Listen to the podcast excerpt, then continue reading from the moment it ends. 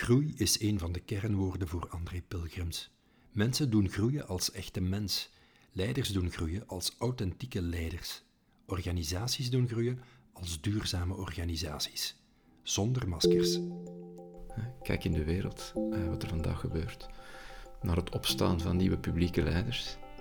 Hoe snel krijg je niet terug de maskerade? Ik heb soms een dubbel gevoel bij alle awards en bij alle mogelijke toeters en bellen, die soms terecht, maar ook soms ten onrechte worden toebedeeld aan niet altijd de juiste leiders. André is een referentie in België, al wil hij dat liever niet gezegd hebben. Veel interviews doet hij niet. Ik ben dan ook erg dankbaar dat ik bij André op bezoek mocht komen. Ik luisterde met veel aandacht naar zijn verhaal.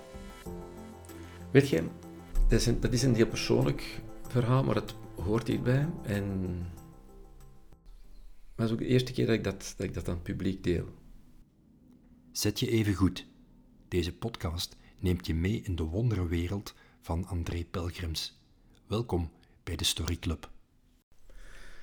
Als enige zoon in een gezin van vijf kinderen, dat wil zeggen vier zussen, uh, in een groot verantwoordelijkheidsgevoel, kijkend naar een toch zeer vijandige en gewelddadige familieomgeving. Met een bange moeder en met een gewelddadige vader. En dat leeft tot op vandaag. Ik ben daar in mijn project mislukt. Ik heb niks kunnen stoppen. Het gezin is ook helemaal uit elkaar gevallen. Ik zie mijn zussen niet meer. Niet omdat ze kwaad, maar dat is helemaal verwoest. En op mijn 18 ben ik dan ook besloten van ik moet iets doen daarmee. En dan ben ik alles gaan volgen wat in, op universitair niveau, op menswetenschappelijk vlak te volgen is. En het is alsof mijn eerste project mislukt is. En dat ik daar zoveel kracht heb uitgehaald, dat ik dat... Ik kan geen tweede mislukking aan of zoiets. Dus mensen die mij kennen, kennen mij echt vanuit mijn kracht. En ik ga en ik, we gaan er alles door samen, omdat ik weet wat aan de andere kant is. En als we dan niet geraken, wat het, wat het gevolg kan zijn daarvan. En dan zie je totale destructie, dan zie je totale polarisatie, dan, valt, dan vallen de landen uit elkaar. Uh, dan is er eigenlijk misschien heel sterk verborgen diep een liefde voor de familieband, maar die vinden, de weg vinden niet meer terug. En dat is wat ik in de wereld zie. Als ik ook, ik, ik heb gewerkt met Israëli's en Russen. En dat je zegt, de weg is kwijt, de, weg is weg.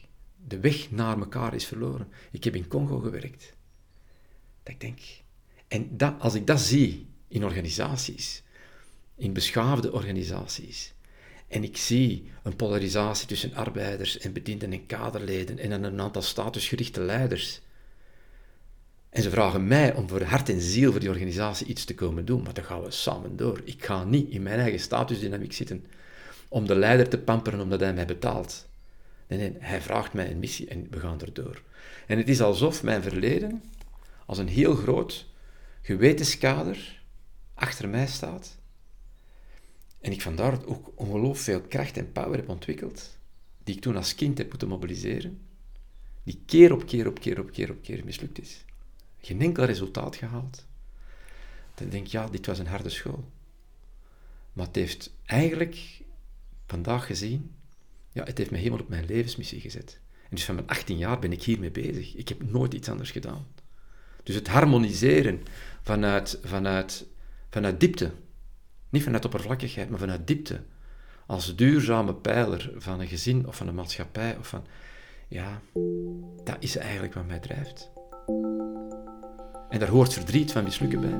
Niet elk, elk verhaal dat ik gebracht heb is een succes.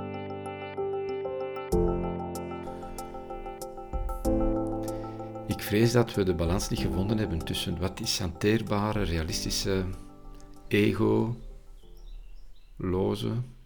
manier van leiderschap. Dat betekent, waarom is het zo moeilijk om het masker af te zetten? Als je het masker afzet, ontstaat er een vorm van bescheidenheid, ontstaat er een vorm van dienstbaarheid, ontstaat er een vorm van laat mijn ploeg maar op het veld staan en scoren. En de ploeg zou wel weten dat ik erachter zit. En de drang om toch zelf in die spotlights te komen staan, is eigenlijk al een vorm van maskerade. Is al een vorm van veruitwendiging van de eigen onzekerheid of de eigen macht, of, of noem het zoals je wilt. Dus het is ook moeilijk om geloofwaardig te zijn voor een grotere community, zeker in de maatschappij, om vanuit die dienstbare de goud-positie uw spelers te laten, te laten scoren, uh, uw spelers de beste wedstrijd van het jaar te laten spelen, wetend dat die elf spelers weten dat het iets met u als leider te maken heeft. En het publiek juicht natuurlijk omwille van de spelers. En dus dat doorzetten, dat dat ook een geloofwaardig model is, waardoor de leiders voelen de manier om te scoren, de manier om dienstbaar te zijn, kan ook vanuit een bescheiden en meer rustige positie. Ja, we zien nog te veel, ook in ons Belgisch bedrijvenlandschap. Ik heb soms een dubbel gevoel bij alle awards en bij alle mogelijke toeters en bellen, die soms terecht, maar ook soms ten onrechte worden toebedeeld aan niet altijd de juiste leiders. En ook daar speelt dat. Dus ook daar commissies die, die eigenlijk uh, een soort prijzen- en, en beloningsbeleid in de wereld zetten aan publieke uh, gedrag, gezagsdragers, heb ik ook het gevoel van daar speelt ook ego en belang en polarisatie tussen goed en slecht. En dus ook daar voel ik een verwarring, laten we het een verwarring noemen. Tussen hebben we wel door waarover we het hebben als het gaat over dat soort leiders. Dus ik voel, is, is, is, is Trump de laatste stuiptrekking? Ik vrees van niet. Hmm. Ik vrees dat er nog een hele zoektocht is. En, en de vraag is hoe sterk, ja, hoe sterk wordt onze gemeenschap, hoe sterk wordt onze bedrijfspopulatie, dat wil zeggen de mensen die in het bedrijf werken, hoe sterk wordt een maatschappelijk draagvlak om eenduidig dat verschil te kunnen belonen tussen de leider met en zonder masker.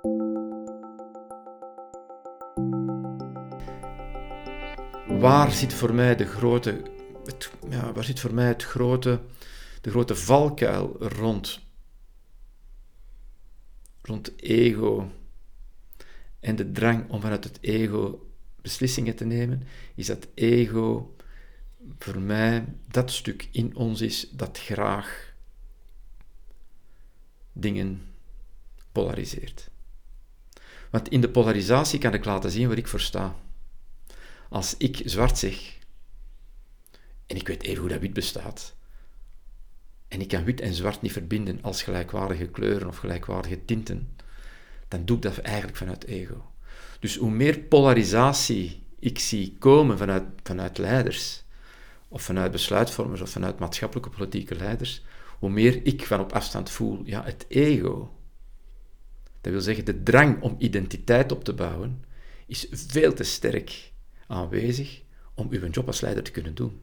Dus die persoon, leider of zit eigenlijk, om het even grof te zeggen, in zijn puberteitscrisis en is daar niet uitgeraakt. Want in de puberteit laat dat ego maar komen, laat maar duwen om te voelen waar ik het verschil kan maken. Maar op een bepaald moment moet dat stoppen. En moet dat geïntegreerd zijn in een soort, om het in het Engels te zeggen, wholeness waar je alle stukken in jezelf weet te verbinden en dat gevecht naar identiteit helemaal niet meer op de voorgrond staat. Dus zelfbewustzijn. En dus dat vraagt zelfbewustzijn, dat vraagt integreren van zaken die, die je niet goed kunt, waar je niet sterk in bent, waardoor dat, dat ene sterke stuk niet constant de dans gaat uitmaken, de, de, de, de muziek bepaalt van de dansvloer. En dus op dat vlak, ego een element van alle tijden, zeker en vast wel. Vandaag de dag, als ik dat terugkoppel aan het criterium van polarisatie, zeer sterk in charge vandaag. Uh, en dringt ook iedereen weer terug een stukje in zijn eigen ego. Dat wil zeggen, ik moet terug gaan kijken, waar sta ik voor? En ben ik akkoord en niet akkoord? En dan krijg je dat stukje extremisme weer terug. Dus extremisme is eigenlijk dan ook voor mij dat terugzoeken van waar zit mijn ruggengraat die ik zeker niet mag prijsgeven in plaats van naar de mildheid en de verbinding te gaan met de stukken die niet zo vertrouwd zijn. En dat verwacht ik van leiders. En vandaag de dag vind ik eigenlijk het, het landschap van, uh, van leidinggevenden, zowel politiek en ook bedrijfsmatig, toch nog te veel gestuurd vanuit dat stuk dat graag polariseert en in functie hmm. staat van het laten zien wat mijn identiteit is. Waar ik dan optimistisch rond ben, is dat wij collectief, en collectief bedoel ik de burgers, de kinderen, de aankomende jongeren, adolescenten, dat wij collectief de laatste 30 jaar door een conditioneringsproces zijn gegaan, door een positief deconditioneringsproces zijn gegaan, waardoor ik toch wel optimistischer ben geworden. En wat bedoel ik daarmee? Dat 30 jaar geleden de rol die iemand kreeg, dokter, priester, leider, bankier, vader, moeder, op allerhande manieren doorprikt zijn geweest. Door schandalen, door machtsmisbruik. Scheidingen hebben kinderen bewuster gemaakt van, wacht even, vooral dat jij mijn nieuwe vader wordt, wie zeide jij eigenlijk? Ik voel u niet, ik weet niet wat uw bedoeling is met ons moeder. Zet maar eens een nieuwe priester in een dorp. Dus de verbinding, dus eigenlijk de verbinding zoeken met wie is die mens, waar komt die vandaan, wat heeft hij te brengen.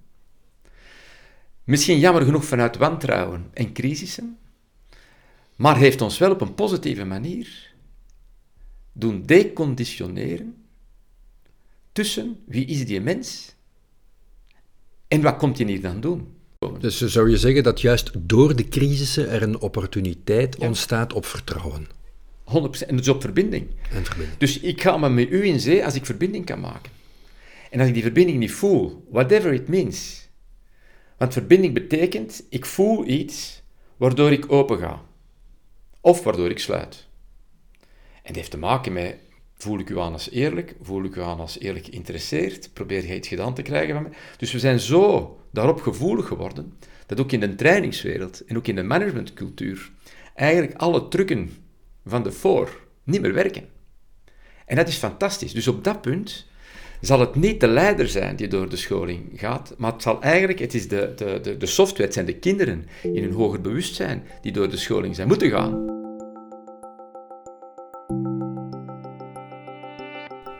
Ik kijk naar een organisatie als een lichaam. En de metafoor die ik wil gebruiken is hoe ik tussen mijn 20 en mijn 30 keek naar mijn eigen lichaam. En waar het dan naartoe ging. En als ik dat verhaal vertel, dan worden alle leiders wel stil.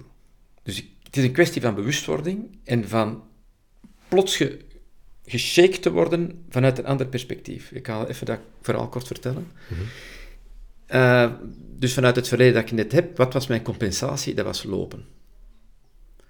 Ik ben altijd een hele solitaire, nooit in groep, lange afstandsloper geweest. En ik dacht op het ogenblik van uh, ja, het verleden waar ik net over vertel. Ik was op mijn dertig, was ik zelfstandige geworden. Als ik zelfstandige, wilde ik mijn eigen bedrijf opbouwen, laten we het zo noemen. Dat was eigenlijk mijn ambitie. Niet om zelfstandig te worden, maar om mijn eigen bedrijf neer te zetten. En ik dacht, ik wil bewijzen aan de wereld dat ik dat kan en dat ik ook een goede, want dat was een stuk mijn business, coach, leider ben. En hoe ga ik dat doen? Ik ga mij zodanig trainen dat ik plots verkozen word om mee te gaan naar de Olympische Spelen door het feit dat ik de minimumtijd voor marathon heb gelopen en dat nog nooit iemand van mij gehoord heeft. Dat was de lat. Ja, okay. dat was de lat. Ik was, ik was 31. En ik wist dat ik het ging kunnen halen. Halve marathon zat eigenlijk al heel schoon binnen de minimum. En ik dacht, nu, nu ga ik door. Op dat moment ben ik eigenlijk... Ja, ben ook op dat moment voor de eerste keer gescheiden.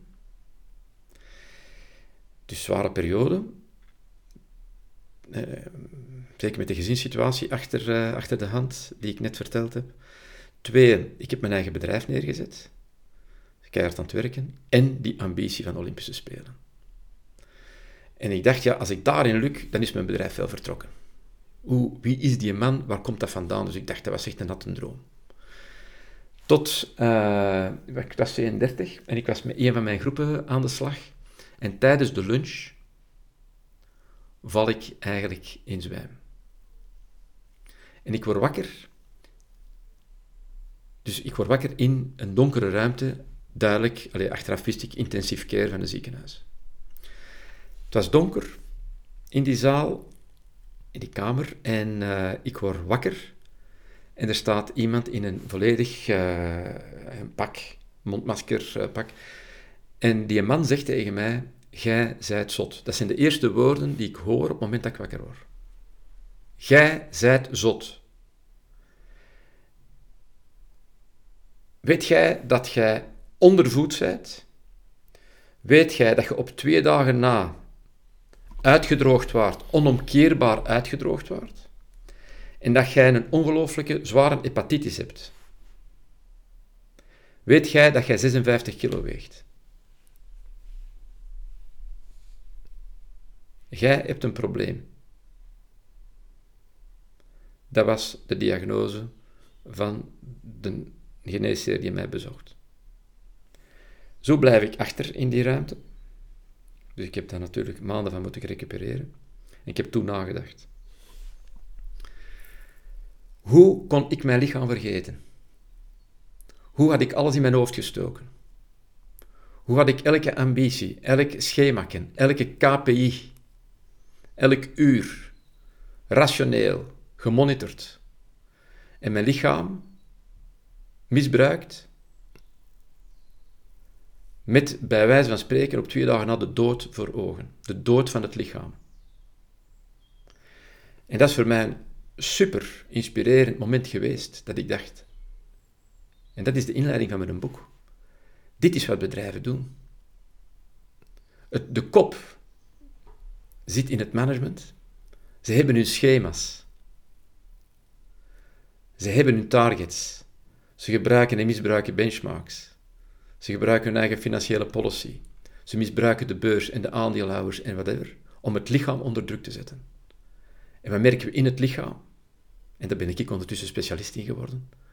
Ik ga in het lichaam kijken waar de uitdroging zit, waar de ondervoeding zit, waar de hepatitis zit, waar het lichaam niet meer kan volgen.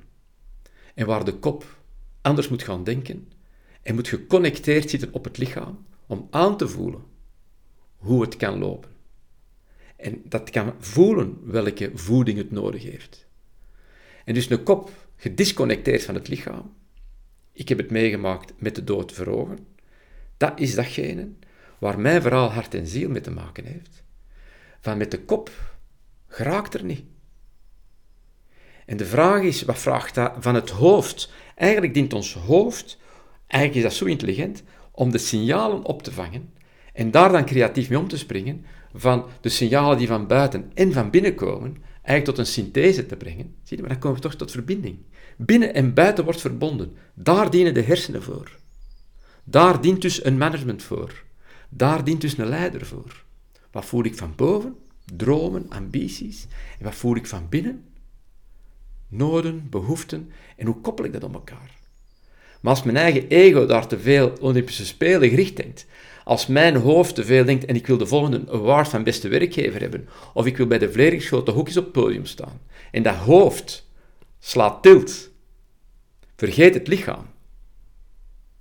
En tussen haakjes, ik ken misbruiken van leiders die het lichaam zodanig onder druk zetten, zelfs om de juiste scores te geven, want het hoofd wil toch in die nominatielijst zitten. Ik ken de verhalen. En dan denk ik, dat is exact wat mij naar de dood heeft gejaagd bijna en waar ik van voel dat organisaties daar ook letterlijk naar de dood kunnen gaan.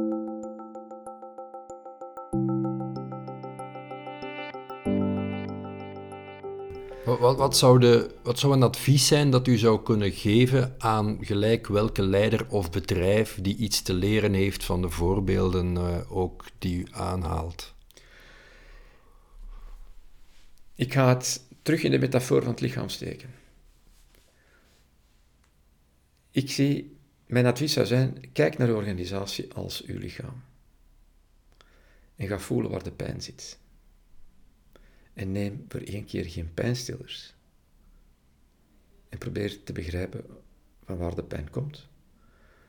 als er een blokkering in de organisatie zit, in een van uw gewrichten zit, in plaats van dat te negeren en te zeggen, dan doe ik het wel met mijn linkerarm als mijn rechter niet meer mee wil. Ga kijken wat die blokkade is. Ga kijken op welke manier jij of een van uw collega's in de weg staat om die blokkade weg te werken. Dus ga met veel meer respect om met het lichaam dat je leidt. En kijk misschien ook eens hoe vrij uw eigen lichaam mag zijn daarin.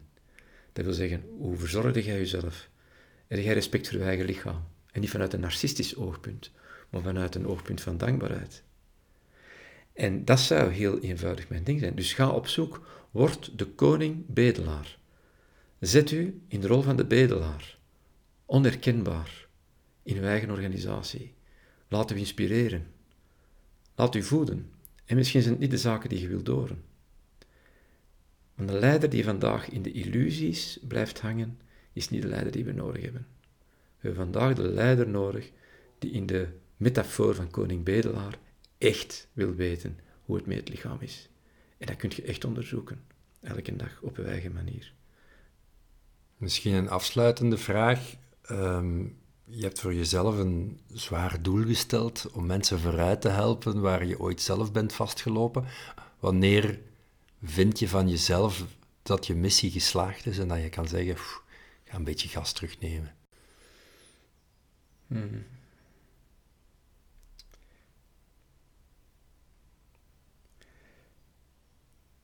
Ik, ik moet mij hoeden om niet opnieuw tegen het Olympisch minimum aan te lopen. Dus ik voel in uw vraag een impliciete verwijzing liggen naar wil je weer niet opnieuw de Olympische Spelen halen en ten koste waarvan gaat het dan? Dat is toch het lijntje dat ik leg in die vraag. Ik wel een mooie. Um, wat er veranderd is, de ambitie is zeker hoog. De, de zorg voor mezelf is veel beter als vroeger. En wat mij in beweging houdt, is wat er op mij afkomt. Ik zie de opdrachten en de vragen die komen, ook dit interview, als allemaal dingen die naar mij toe komen en waar ik iets mee te doen heb. En het resultaat, waarschijnlijk zal ik het nooit zien. En daar mag ik het denk ik ook niet voor doen.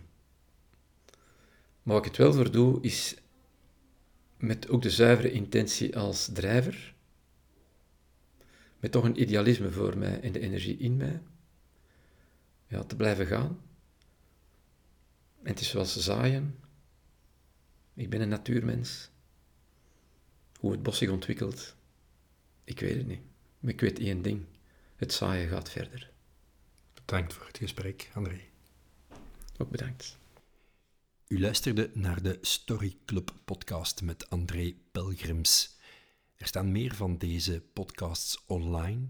Ga kijken op rafstevens.be of zoek ze op in iTunes. Ook je mening wordt meer dan gewaardeerd. Als je deze podcast scoort, dan komen we hoger in de ranking en vinden meer mensen hun weg naar deze interviews. Bedankt alvast. Tot volgende keer.